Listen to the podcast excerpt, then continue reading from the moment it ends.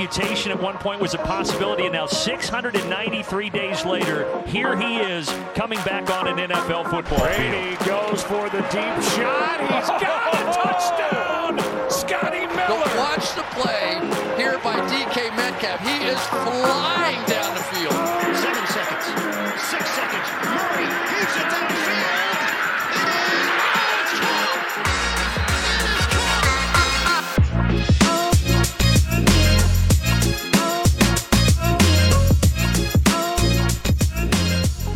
Bengals, Kansas City Chiefs, San Francisco 49ers en Los Angeles Rams. Twee van deze ploegen staan over twee weken in Super Bowl 56. Mijn naam is Jurian Ubachs. Met mij zijn Mark Dorenbos en Lars Leeftink. En het is tijd voor de preview van Championship Sunday in de NFL. Oké jongens, het is, het, het is zover. We staan ervoor. De, de, de grootste, belangrijkste en meestal meest veel besproken wedstrijden van het jaar. Eh, Miami Miracles, eh, Nola No Calls, noem ze allemaal maar op. Eh, dit is het weekend dat het allemaal gebeurt. Lars, are you excited? Eigenlijk wel, want het is, Lars, are you, are you excited? Eigenlijk wel. het is eigenlijk het eerste weekend dat ik een keer niet naar een, een faalwedstrijd van de Packers hoef te kijken in de Championship Game. Dus wat dat betreft scheelt het wel veel. En het zijn ook twee leuke wedstrijden, dus wat dat betreft niks over te klagen. Dan eh, gaan we even naar de andere kant. Want ik kan me heel goed voorstellen dat de spanning daar iets hoger is. Want eh, nou ja, het is bekend, Lars, jij bent een Packer, ik ben een Patriot. Wij eh, moeten allebei, allebei ons mond houden en Ja. rustig in een hoekje gaan zitten... en te kijken wie er dan wel goed zijn dit jaar. Maar Mark, voor jou ligt dat anders. Ja, zeker. De Bengals komen dit weekend in actie. En ja, ik heb er heel veel zin in, maar de zenuwen beginnen ook aardig hoog op te lopen ondertussen. Ja, want hoe kijk jij vooruit naar die wedstrijd? Want ik, nou goed, hè, eh, Lars en ik hebben makkelijk praten in die zin. Hè, als je over meerdere seizoenen kijkt, dan zijn wij fan van franchises die niet mogen klagen over succes, over playoff appearances en dat soort dingen. Eh, ja, dat is van jou, uit jouw perspectief een klein beetje anders. Ja, ja ik, ik moet heel eerlijk toegeven dat ik er niet heel veel vertrouwen in heb zondag. Ik, ik hoop dat het tegendeel wordt bewezen, maar eh, ze zijn nu al verder gekomen dan ik denk iedereen had verwacht aan het begin van dit seizoen. Dus dit is alleen maar mooi meegenomen. Alrighty, nou jongens, we gaan eh, de beide wedstrijden uitgebreid voorbespreken. Eh, tussendoor behandelen we ook nog even wat nieuws. Eh, er zijn natuurlijk meer dingen gebeurd in de NFL afgelopen week. Een legendarische nummer 7 die ermee gestopt is. Nou, daar komen we zo op terug. Maar we beginnen nou ja, meteen bij de Bengals. En nou, jij leidde hem zelf al in, Mark. Ik zou zeggen, ga, ga vooral verder. Want we hebben natuurlijk al deze wedstrijd gezien. Jij zegt, ik heb er geen, niet veel vertrouwen in. Maar als we heel even teruggaan naar een paar weken geleden... toen zag de wereld er prima uit. Ja, zeker. Toen, eh, toen wonnen de Bengals natuurlijk van de Chiefs met eh 34-31. Eh, alleen daar hadden ze toen wel echt een monsterwedstrijd van zowel Joe Burrow als Jamar Chase van nodig. Chase voor 266 yards en 3 touchdowns en Burrow voor 446 yards en 4 throwing touchdowns. Eh, ja, ik denk dat ze zo'n soort pot van die twee wel weer nodig gaan hebben als ze überhaupt een kans willen gaan maken. Hoe, eh, hoe ziet het eruit in de. Want je noemt nu een aantal belangrijke spelers. Eh, nou, een vast onderdeel op dit moment is natuurlijk altijd even kijken naar eh, de fitheid van spelers. Dus laten we dat, dat, dat zakelijke nieuws maar eerst even uit de weg ruimen. En dan aan de kant van, van de Bengals dan, Mark. Hoe ziet het er daaruit? Is iedereen fit? Ja, iedereen is wel fit op één iemand na. Sample, als ik me niet vergis. Mijn favoriete tight end? Ja, die heeft niet meegetraind, geloof ik. Dus ik weet niet of hij onzeker is of dat hij mee kan spelen. Of niet mee kan spelen. Maar dat is eigenlijk de enige, dus al ziet er redelijk uit voor de Bengals. Alright. En eh, Lars, eh, ik benoem jou deze keer voor medical officer van de Chiefs. Heb jij eh, goed of slecht nieuws? Eh, nee, het ziet er bij de Chiefs ook allemaal goed uit. Eh, in principe Hartman, Edwards, Hilaire, Hill, die eh, hadden eventjes limited practice, maar hebben nu allemaal full practice. En Darren Williams is eigenlijk de enige die, eh, die donderdag limited practice had. Dus eh, ja, ook aan de kant van de Chiefs ziet het er eh, voorlopig allemaal goed en eh, fris uit. Goed jongens, nou we hebben hier te maken met twee teams die een schitterende show hebben neergezet. Natuurlijk al in week 17, we refereerden net al aan. Een idioot goede week van, eh, van Jamar Chase. Toevallig in, in, eh, in, eh, in de finale week van, van eh, fantasy voetbal natuurlijk. Dus dat, eh, hè, daar hebben Lars en ik het eh, eerder dit seizoen natuurlijk al uitgebreid over gehad. Ehm, ja, Chase is een, is een naam. Eh, eh, Lars, ik geef hem even aan jou, eh, namens de Chiefs nogmaals. Eh, ja, dat, eh, dat kan niet lekker geweest zijn voor de Chiefs die, die, die dag, die week. Hoe, eh, hoe gaan zij Chase tegenhouden? Ja, nou, ik heb die, die, die wedstrijd eventjes, of in ieder geval de, de plays waar zeg maar Chase catches had, heb ik even teruggekeken om te kijken wie er op hem stond. Uh, dat waren eigenlijk vooral Felton en Ward. Uh, dus dat betekent überhaupt dat er eigenlijk twee mensen op hem stonden in die wedstrijd. Het maakte geen reden uit, hij, hij ving alles. Er uh, waren natuurlijk ook heel veel pases die, die Burrow gewoon heel snel naar links gooit. En ja, Chase doet er vervolgens wat mee, dat hebben we in de playoffs ook al gezien. Dat deed hij in die wedstrijd ook heel vaak. Hij is gewoon heel moeilijk om te verdedigen en hij is ook heel moeilijk om te tackelen op het moment dat hij de bal inmiddels heeft. Um, dat het, weet je, ja, er is niet zomaar één manier om te zeggen van we schakelen Chase uit, omdat hij eigenlijk alles kan. En uh, ja, weet je, het probleem is ook als je daar straks drie mensen op gaat zetten, wat eigenlijk bijna uniek is, dat gebeurt zelfs bij Adams niet. Uh, dan heb je het probleem dat je een Higgins hebt, dat je een Boyd hebt, dat je ook een Mixon hebt, die in de playoffs tot nu toe beter is in de passing game dan in de running game. Um, er gaat dan ook veel ruimte in het midden komen voor bijvoorbeeld een, een Uzoma tight end. Uh, dus het is gewoon heel lastig. Niet alleen omdat Chase zo moeilijk te verdedigen is, maar ook omdat de wapens om hem heen uh, ook gewoon heel erg goed zijn. En je die niet zomaar vrij kan laten. En daarnaast heb je ook te maken met Joe Burrow natuurlijk. Mark, heeft uh, Lars jou, jouw aanval goed uitgelegd op deze manier? Ja, dat denk ik wel. daar moeten ze het toch ook wel van hebben als ze een kans willen maken. En um, ja, het zijn natuurlijk allebei passing first offenses. Um, kijk ik even naar de Bengals, Mixon. En aan de andere kant heb je natuurlijk een wat, wat minder sterke uh, running back situatie. Edward Hilaire die natuurlijk ja, re redelijk sterk terug is gekomen na zijn blessure. Maar het beste 50-50 split heeft daar natuurlijk met Daryl Williams. Um, hoe belangrijk is dat voordeel dat je een, ja, een echt duidelijke number one uh, running back als Joe Mixon hebt? Ja, op papier is dat een voordeel. Maar ik moet zeggen dat Mixon het tot nu toe wel lastig heeft in de playoffs. Tegen de Titans was hij buiten die touchdown om, heeft hij eigenlijk ook niet heel veel klaargespeeld. Dus dat is maar even afwachten of dat nu tegen de Chiefs anders gaat zijn. Ja, het, is natuurlijk vooral belangrijk om een goede running game te hebben als team. Wat, wat nou ja, laten we zeggen, de Bengals hebben niet zo'n hele sterke offensive line. Dat hebben we dit jaar al, al in de playoffs twee keer gezien. Ja, pak die gelijk uh, inderdaad maar door, Lars. Want uh, ook voor de running game is natuurlijk de offensive line heel erg belangrijk. Ja. Uh, hoe vaak lag, uh, lag Burrow afgelopen week op zijn rug? Negen keer. nou, volgens mij officieel negen keer. En volgens mij elf keer. En dan werden er dan twee teruggedraaid, geloof ik. Ja, nou moet je nagaan. Het was, het was, nee, het was echt gatenkaas afgelopen weekend. En als je nou weet dat dit weekend een Chris Jones uh, tegenover je staat en Clark tegenover je staat, dan uh, kun je er wel vanuit gaan dat het nog een stukje lastiger wordt dan afgelopen weekend. Um, en daarom is het ook zo belangrijk eigenlijk dat je dan een running game hebt, zodat je ook Burrow een beetje kunt ontlasten. Alleen ja, de Bengals hebben dat dit jaar niet gehad. Um, en het grote verschil tussen Mahomes en, en Burrow, want eh, ik bedoel, Mahomes heeft ook al onder druk gestaan. Nou ja, Mahomes krijg je niet neer op, op wat je ook doet. Of je nou vier, vijf, zes mensen stuurt, hij weet er altijd aan te ontkomen. En Burrow is, is wat dat betreft iemand, een andere soort quarterback. Die blijft gewoon staan in de pocket en die gooit echt tot de allerlaatste, allerlaatste seconde. Daarom ligt hij ook zo vaak op de grond. Hij neemt dat risico gewoon. En terwijl Mahomes meer iemand is die ja, dan toch zelf gaat proberen plays te extenden. En dat, wat dat betreft zag je dat terug in de wedstrijd van, van vorig weekend. Dan ligt Burrow met die spel toch iets, iets vaker en iets sneller op de grond dan Mahomes. Ja, ja, ik zal nooit meer dat beeld vergeten van Mahomes in de Super Bowl tegen de, tegen de Bucks. Die volgens mij met twee Buccaneers op zijn rug en halfvallend, ja. bijna op de grond liggend, nog een paas weet te versturen. Die, ik weet niet eens meer of hij aankwam, maar volgens mij wel. Dat was het engste ervan. Dat is ja. inderdaad uh, ja, de Mahomes Magic waar we zoveel over praten. Uh, Mark, als ik zeg Mahomes Magic, dan ja, dat is een bekend fenomeen. Dat weet iedereen. Het, is, het wordt algemeen gezien als de, de beste uh, quarterback van dit moment. Maar als we zoveel uh, ophangen over Mahomes en zo in relatief weinig zeggen over Burrow, vind jij dat dan terecht? Uh, poeh, lastig. Burrow krijgt wel veel krediet, denk ik. En ik denk dat het ook echt een hele goede quarterback is. Of ik denk, ik weet het wel zeker. Alleen Mahomes is wel echt een heel ander niveau. En dat liet hij tegen de Bills ook weer keer op keer op keer zien. En er staat eigenlijk geen maat op hem als hij het echt op zijn heup krijgt. Zeker Burrow, Burrow heeft wel een hogere completion rate in ieder geval over het regular season. Het ligt, ligt ja, wel dicht bij elkaar. Volgens mij zit Burrow rond de 73% en uh, Mahomes rond de 70%. Dus dat het scheelt niet superveel. Maar het wil, uh, Burrow staat natuurlijk ook bekend om zijn, om, om zijn ongelooflijk accurate arm. Uh, maar daar, daar zou hij wel een edge kunnen hebben. Ja, misschien wel. Ja, dat is, in week 17 is dat ook gebleken. De, dat, dat het wel mogelijk is. Maar zonder Burrow verder af te vallen, want dat is een fantastische quarterback. Mahomes is toch nog steeds wel een paar niveautjes beter. Dan uh, heb je dus inderdaad twee star quarterbacks. Is één star quarterback, één, nou, hoe zullen we het noemen? Een, rising star uh, als quarterback. Um, het is wel duidelijk, denk ik, dat uh, ja, hoe zij in de wedstrijd gaan zitten een belangrijk, belangrijke rol gaat spelen in de uitslag. Als we het even gaan kijken naar de defenses, Lars. eh, ja, wat moet er gebeuren eh, om die twee, die twee mannen te ontregelen? En zeker bij Mahomes ja, lijkt dat op voorhand heel lastig.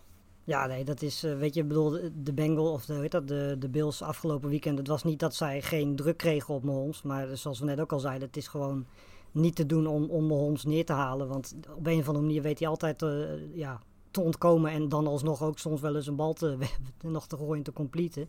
Ehm, het heeft eigenlijk niet zoveel nut ook om hem te blitsen, want daar ontkomt hij ook aan. Dus Ja. het enige wat je eigenlijk kunt doen is hopen dat je met die vier mensen vooraan eh, het te moeilijk kunt maken. En verder gewoon je coverage goed op orde hebben. En dat is, dat is iets wat we ook tijdens het reguliere seizoen zagen. Als dat zo is, dan forceer je ze in ieder geval om niet die, die grote plays die we afgelopen weekend wel zagen eh, te nemen. Ehm, en daar hebben ze het ja, soms wel eens wat moeilijker mee, omdat ze toch wel die diepe ballen op Hill en op Kelsey zoeken. Ehm, ja, en bij de Bengals, eh, weet, je wat die Chiefs defense gewoon moet doen, is, is Burrow ontregelen. Wat, wat de Titans en wat eh, daarvoor eh, de, de Raiders ook gedaan hebben. Dat moeten zij eigenlijk ook doen. Dat zou in principe genoeg moeten zijn, want Mahomes gaat niet de fouten maken die Tannehill en de week daarvoor Carr wel gemaakt hebben. Zie, eh, acht jij ze daartoe in staat, eh, Mark?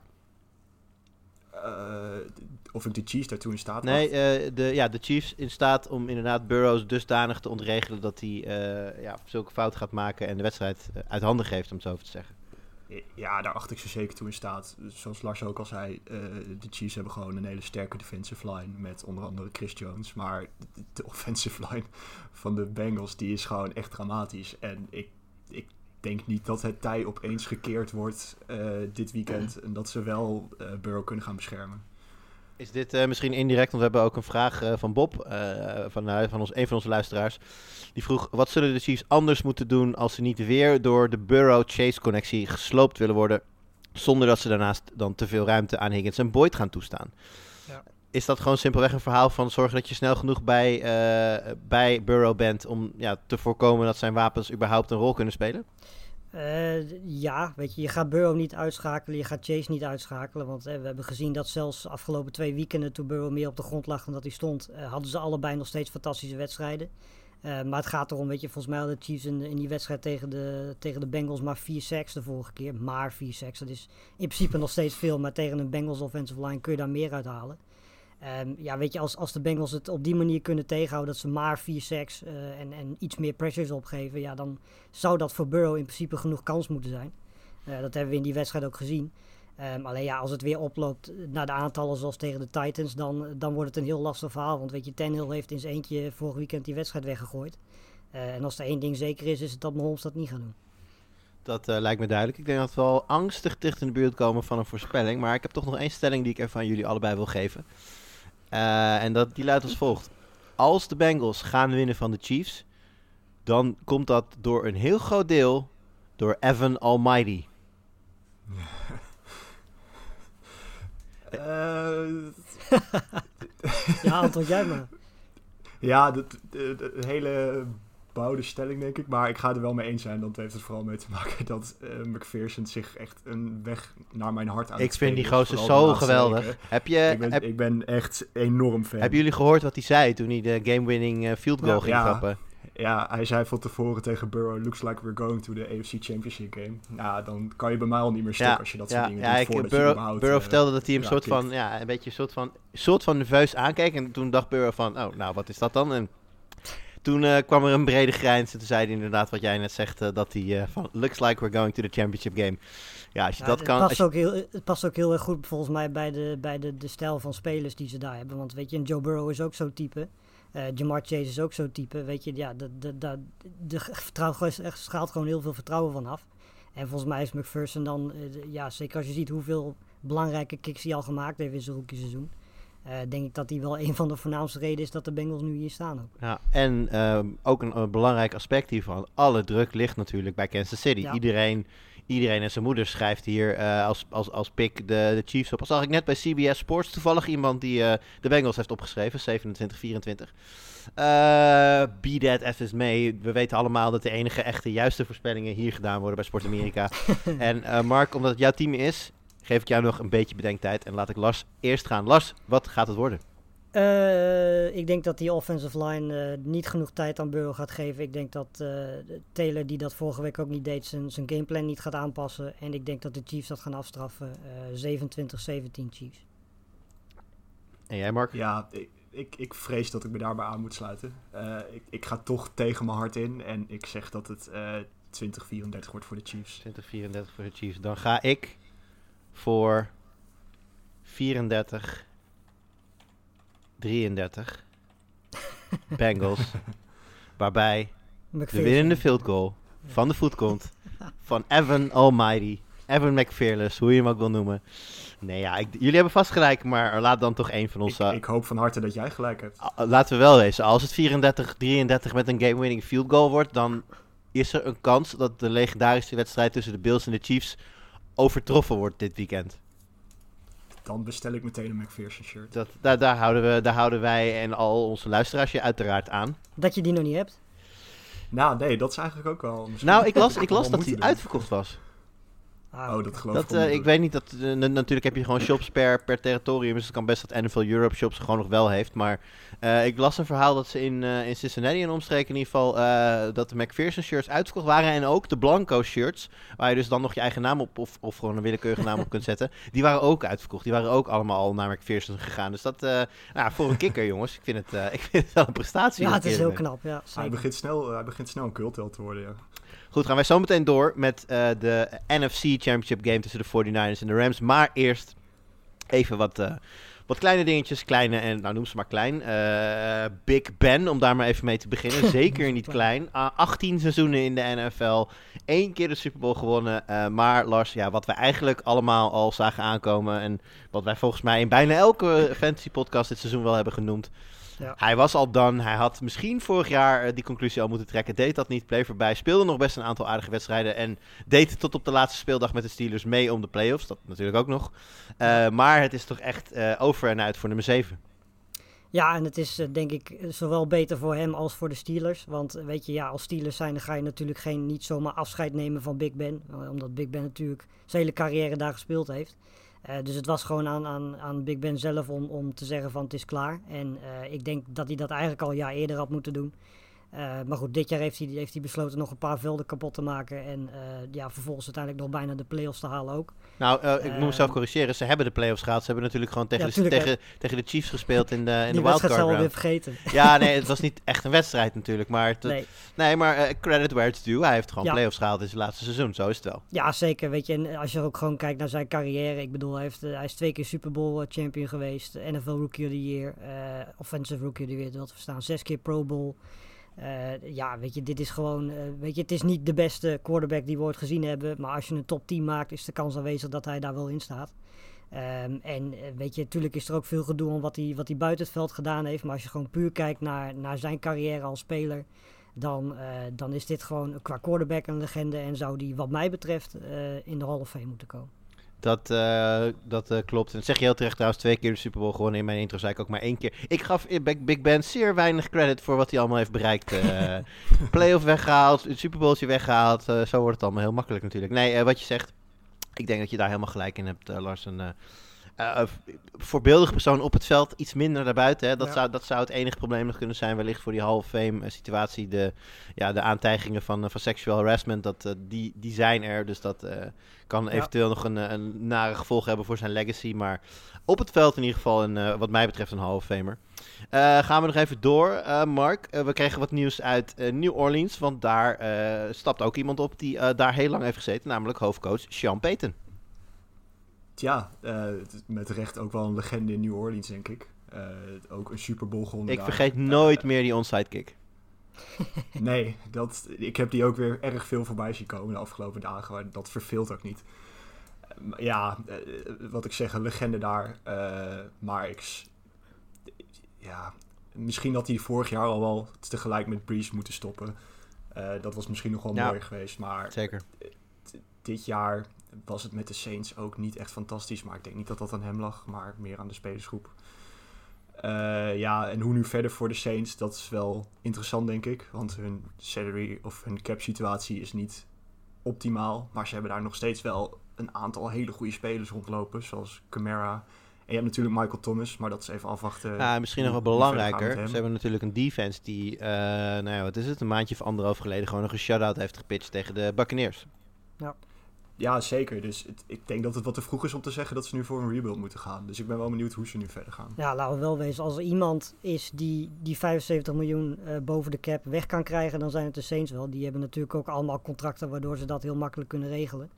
Ehm, dus de, de vraag is vooral of ze, dat- daar zullen ze wel een, snel een beslissing over moeten nemen natuurlijk. Maar eh, het grote probleem is daar natuurlijk ook quarterback. Ehm, want ja, weet je, bedoel, Winston is nu een free agent. Ga je die weer terughalen? Die deed het op zich voor zijn blessure aardig.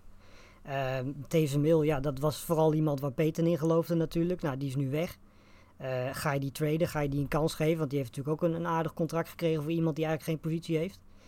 Ehm, dus ja, weet je, het is een beetje afwachten wat, eh, wat voor beslissingen daar gaan nemen. Maar het gevaar is hier natuurlijk wel dat ze in het midden gaan zitten.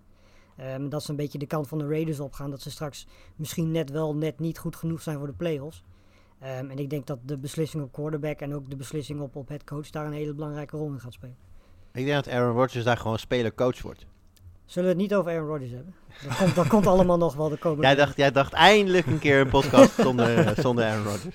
Helaas, helaas. Oké, nou, ik gun het je. Eh, even nog door. Oh nee, we moeten helaas toch over Aaron Rodgers hebben, zie ik hier. Want de offensive coordinator van de Packers, Nathaniel Hackett, Lars, die eh, verhuist naar Denver. Ja, en het, eh, het zat er al wel aan te komen dat hij weg zou gaan. Omdat hij, volgens mij had hij een stuk of drie, vier interviews. Dus de kans dat één van die teams hem zou nemen was wel groot. En ik denk dat hij op de beste plek terechtgekomen is als je kijkt wat voor eh, talent ze aanvallend gezien daar in huis hebben. Ehm, enige vraag die, die ik heb, weet je, Hackett had natuurlijk niet per se de touwtjes in handen bij de Packers. Dat was LeFleur. Dus de vraag is een beetje of hij dat, of hij dat kan of dat hij een offensive coordinator zoekt die die touwtjes dan in handen gaat nemen. Eh, de tweede vraag is natuurlijk wie daar de quarterback wordt. Ehm, want ja, Bridgewater is volgens mij free agent nu en ze hebben alleen Lock. Dus ook daar, net zoals bij de Saints, net zoals bij de Steelers, is de vraag wie wordt daar de quarterback. Want het zijn wel drie teams. Als je daar een quarterback neerzet, kun je de playoffs halen. Ehm, en de derde vraag is natuurlijk Vangio, die gaat weg. Ja, dat is natuurlijk verdedigend gezien een fantastische, fantastische coach is dat. Maar ja, die is nu wel weg. En de vraag is of dan die defense ook dat niveau gaat halen. Ehm, ja, en het, belangrijkste is natuurlijk, en ik denk dat dat ook de reden is dat ze Hackett gehaald hebben, is omdat ze natuurlijk hopen op die manier eh, makkelijker een twee te kunnen maken voor, eh, voor Aaron Rodgers. Want Rodgers is wel fan van Hackett, had hij een goede relatie mee, zijn ongeveer ook even oud. Hackett is nog best wel jong voor een, eh, voor een coach. Dus eh, ja, het is, weet je, ik denk dat het meer een move is om te proberen om Rodgers bij de Broncos te halen, dan dat het per se is omdat ze hem als, als, ja, als playcaller en zo echt een hele goede vinden.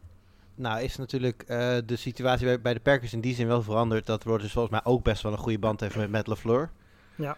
Ja, is, is dit nu, eh, is- zit Rodgers nu in, in, in, in de positie van een kind die moet kiezen tussen zijn scheidende ouders? Eh, zo zou je het wel kunnen zien, ja, denk ik. Het probleem is alleen dat er bij de, bij de Packers misschien nog wel meer offensive coaches weggaan. Want ook de offensive line coach, heeft, daar, daar zou bijvoorbeeld die, die, de, de offensive coordinator bij de Broncos kunnen worden.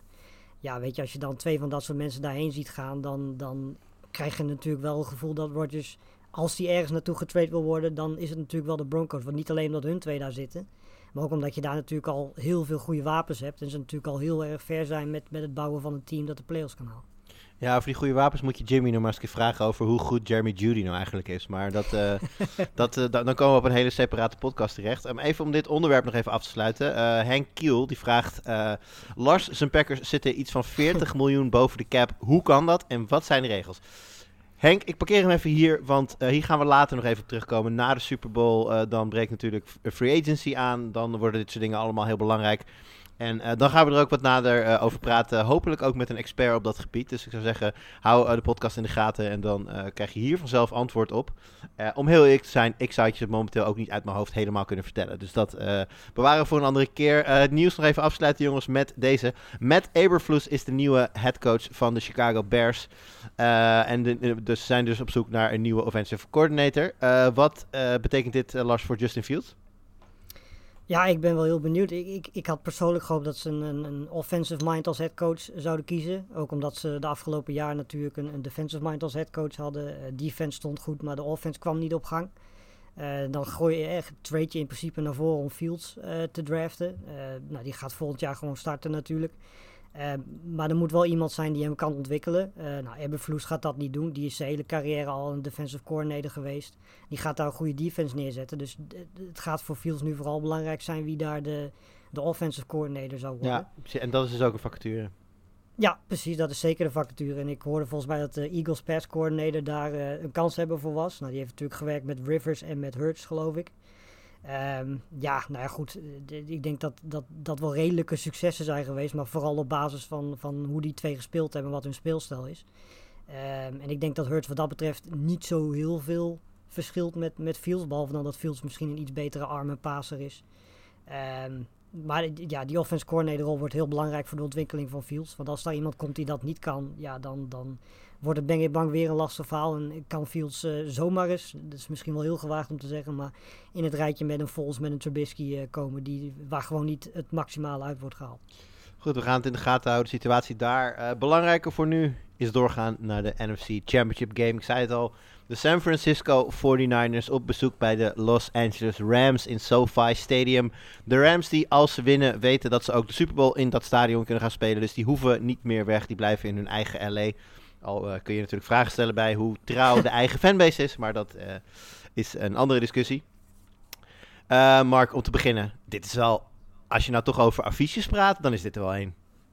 Ja, dit wordt een hele interessante. Ze hebben elkaar natuurlijk al twee keer eerder getroffen dit seizoen.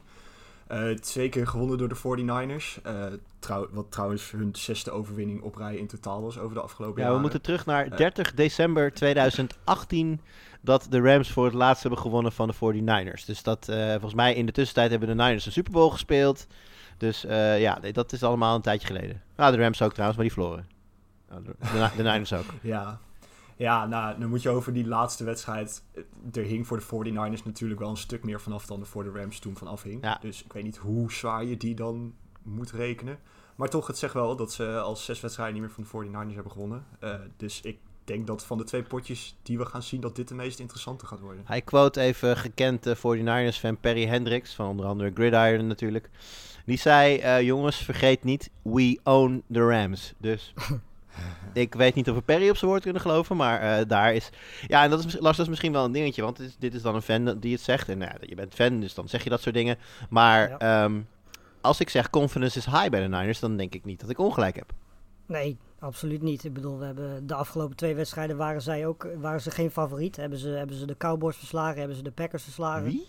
Uh, ja, goed. Um, maar uh, nee, ja, goed, weet je, dan in deze wedstrijd is het verleden ook nog eens in het voordeel. Uh, tegen McVay is in hun voordeel. Volgens mij heeft McVay nog nooit van Shanahan gewonnen. Um, ja, weet je, het, het, voor mij wat, wat het verschil gaat maken zijn de quarterbacks. Want de rest is het verschil tussen beide teams niet zo heel erg groot. Um, en ik denk wat dat betreft dat, dat iets voor de 49ers heel belangrijk gaat zijn. En dat is die, die running game op gang krijgen. Want als ze weer net zoals tegen de Packers veel moeten pasen.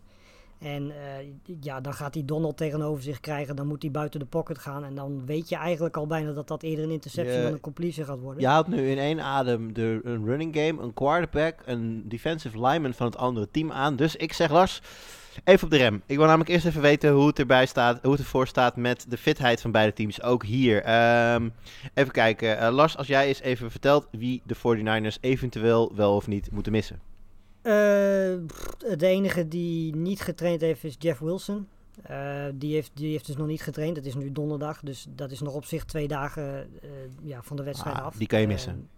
Eh, ja, nou ja, op de manier waarop Mitchell speelt op zich wel. Eh Samuel kun je natuurlijk ook Ja. daarvoor gebruiken. Wie je niet kan missen, Ehm. eh, Trent Williams. Want ik weet dat ehm, tegen de wed- in de wedstrijd tegen de Packers hadden Debo Samuel en George Kittle allebei last van pijntjes. Sa- Samuel die hinkelde Ja. volgens mij op een gegeven moment ook naar de zijlijn. Die hebben volgens mij gewoon normaal meegetraind. Staan volgens mij zelfs al niet meer op het injury report. Trent Williams nog wel. Wat is daar de laatste update?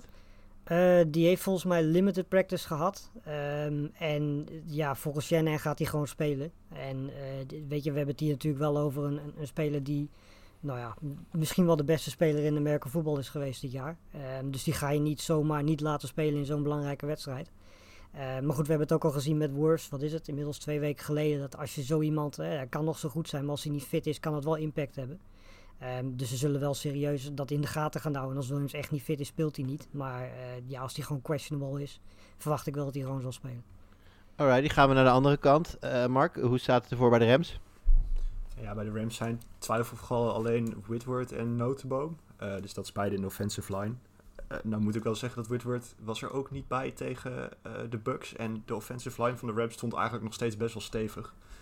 Dus wordt afwachten of die erbij zijn. Maar ze hebben wel bewezen dat ze ook zonder die namen vrij goed staan. Ik zit uh, nu te kijken naar toevallig een update die een uh, uurtje geleden geplaatst is. Maar het gaat nog wel over donderdag. Toen heeft, uh, donderdag heeft Whitworth in ieder geval volledig meegetraind. Joe, no ah. Joe Newtboom was een, een non-participant in practice. Dus die, ja, dan, dan wordt het waarschijnlijk vrij unlikely.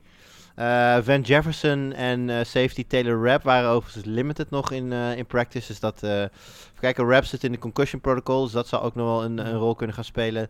En Van Jefferson die heeft wat, wat knieproblemen, maar die lijkt sowieso wel te gaan spelen. Maar, dus als ik het nu zo snel zou moeten samenvatten, denk ik dat vooral Notenboom en, um, en Taylor Rapp wellicht een, een, probleem zouden kunnen zijn. En vooral Rapp is wel lastig hoor, als je die mist.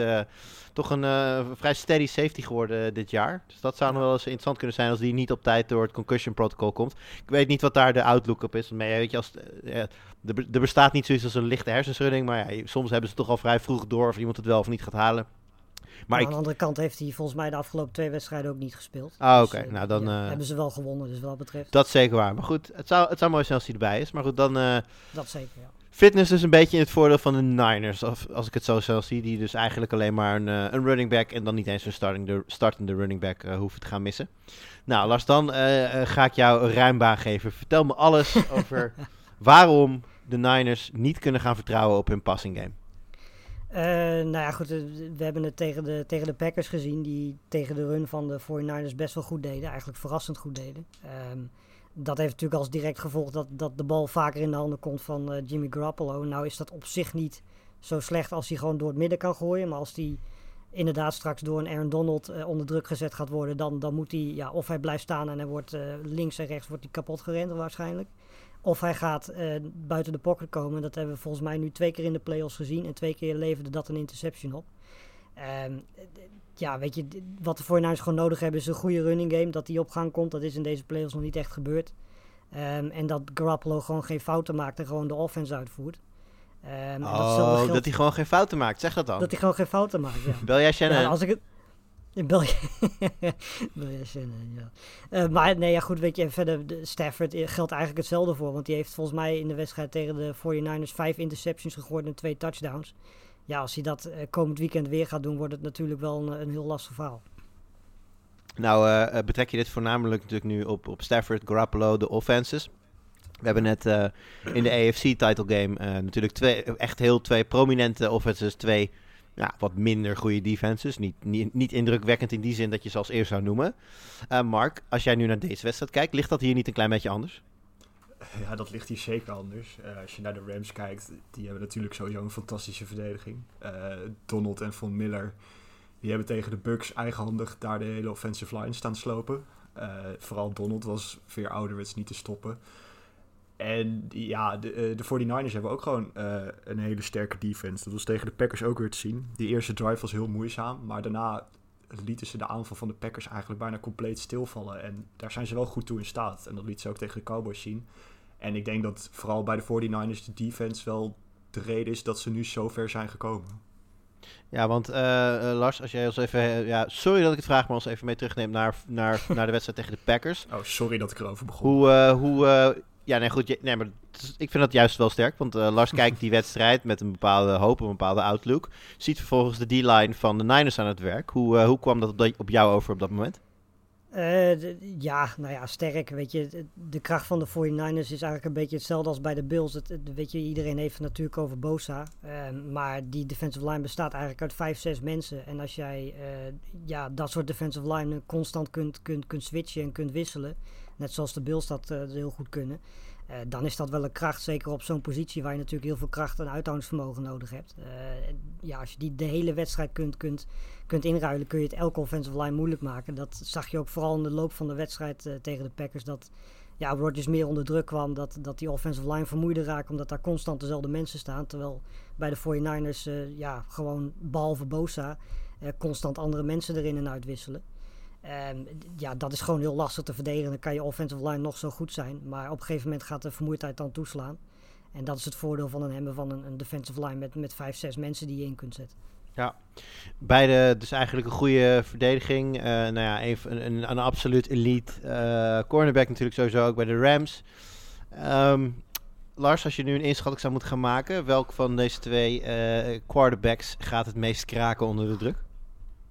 Ja, de, mijn gevoel zegt eh, Jimmy Garoppolo. Omdat ik, eh, weet je, de Rams zijn ook heel erg goed tegen, tegen de run. Dus dat, eh, ja, weet je, als je tegen de Packers je run al niet op gang kunt brengen, wordt dat tegen Donald, die zo'n beetje in, de een, in zijn eentje de run defense is, heel erg lastig. Ehm, ja, weet je, en als je Garoppolo de bal, de bal geeft of je geeft Stafford de bal, dan kies ik toch altijd nog steeds voor, voor de meest getalenteerde quarterback. En dat is Stafford wat mij betreft.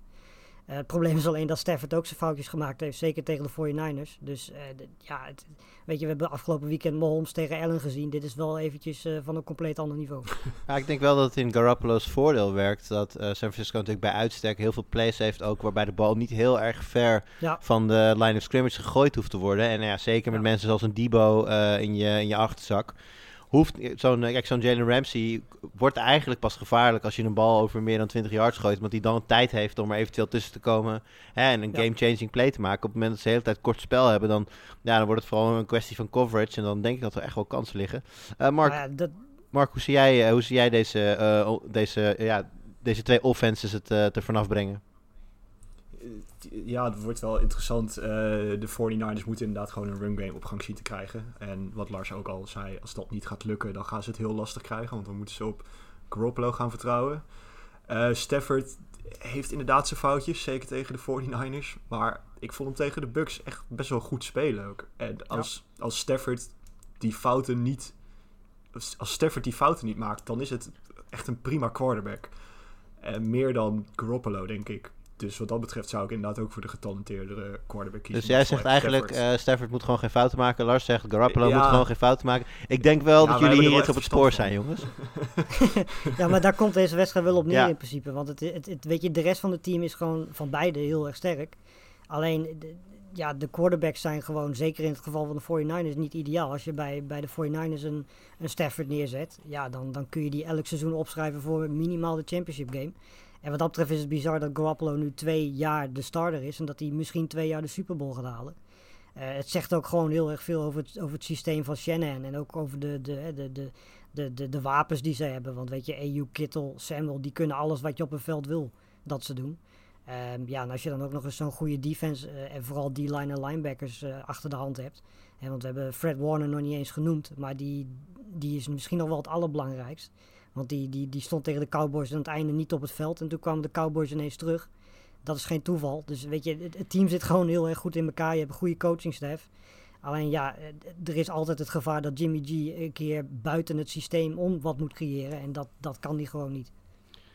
We, eh, je noemde net al eh Thibaut Samuel. Deze wedstrijd is natuurlijk ook een indirecte confrontatie tussen... Ik zit even snel te kijken. En volgens mij gewoon in half PPR de nummers 1 en 2 als het gaat om wide receivers in fantasy voetbal. Namelijk uiteraard Cooper Cup, dik als nummer 1. En daarachter eh, in half PPR in ieder geval Debo Samuel. Ehm, Mark, als je deze twee namen hoort, en nee, je weet, eh, de, de een speelt een net iets andere rol bij Steam dan de ander, maar als je nu even vooruit in de tijd moet, het is eh, zondag, nacht, nou eigenlijk maandagochtend, uur of wat zal het zijn, half vier, vier. Eén van deze twee staat met zijn armen in de lucht, omdat hij net de wedstrijd van zijn leven heeft gespeeld. Is dat Cooper Cup of Debo Samuel? Eh, dat is Cooper Cup. Want Cooper Cup die, die speelt ook al het seizoen van zijn leven. Ik las afgelopen week ergens dat als hij weer een 100 yards plus game speelt, dat hij het record heeft voor meeste 100 yard games in één seizoen. eh, plus postseason erbij. Ja, Cup is echt fantastisch dit jaar. Daar staat echt geen maat op. En ik denk ook dat hij dat weer gaat laten zien eh, tegen de 49ers. Mits, en daar komt hij weer, Stafford niet te veel fouten maakt. Dan eh, denk ik dat het hoog tijd is, jongens, om naar de voorspelling te gaan. Nou ja, Mark, jouw eh, voorspelling eh, klonk al een beetje door in deze, dus eh, jij mag voor mij als eerst. Ja, ik denk dat het nu wel een beetje klaar is met eh, de verrassing van de underdogs eh, dit weekend. Dus ik denk dat eh, de Rams van de 49ers gaan winnen. Voor het eerst in een hele lange tijd. Eh, ik denk dat het 32-24 wordt. 32. Shanahan gaat eh Ja. 8 om 0 zijn tegen, tegen de Rams en tegen McVay. Eh 49ers winnen 24-20. 24-20 voor de Niners. En ik ga met jou mee, Lars. Ik denk ook dat de Niners gaan winnen. En ik denk dat ze dat gaan doen met 27-24. Dat klinkt wel als een, eh, als een hele gangbare uitslag. Sorry, ik moest het even meeschrijven, anders vergeet ik het op een gegeven moment weer. Nou jongens, dat betekent dus dat wij over twee weken gaan kijken naar de Chiefs tegen de Niners. Een rematch van eh, Super Bowl 54 uiteraard, met dezelfde quarterbacks ook. Ehm, ja, het, het, het- het maakt eigenlijk geen sens om nu te voorspellen wie die wedstrijd dan gaat winnen. maar ik ga toch aan je vragen. Als dat de wedstrijd wordt, wie, wie wint hem dan? Chiefs. Ja, Chiefs. Dus er is echt no way dat, dat de 49ers met Jimmy G gaan winnen van Patrick Mahomes. Daar geloof ik echt helemaal niks van. Oké, nou als jij het niet gelooft, dan ben ik ervan overtuigd dat het wel gaat gebeuren. Ik, heb geno- ik heb opgelet eh, tijdens de fantasy eh, voorspellingen. Ja, en, eh, ja. nee, goed, alle gekheid op een stokje. eh, dat gaan we tegen die tijd zien. En ik denk dan dat de Niners best wel kans maken. Voor nu hebben wij in ieder geval hier bepaald dat de Niners gaan winnen en dat de Chiefs gaan winnen. Of dat ook gaat gebeuren, dat gaan we natuurlijk zondagavond zien. Want dan is het tijd voor de AFC en NFC Championship Games. Ik weet dat de eerste wedstrijd wordt becommentarieerd door Jim Nance en Tony Romo. De andere weet ik even niet uit mijn hoofd. Maar dat zal Joe Buck zijn die dan eh, de call heeft bij de Niners en de Rams. Ja. En dan eh, spreken wij elkaar eh, na het weekend weer. Want dan kijken we natuurlijk terug op deze wedstrijd. Voor nu iedereen heel veel plezier bij Championship Sunday in de NFL. En tot volgende week.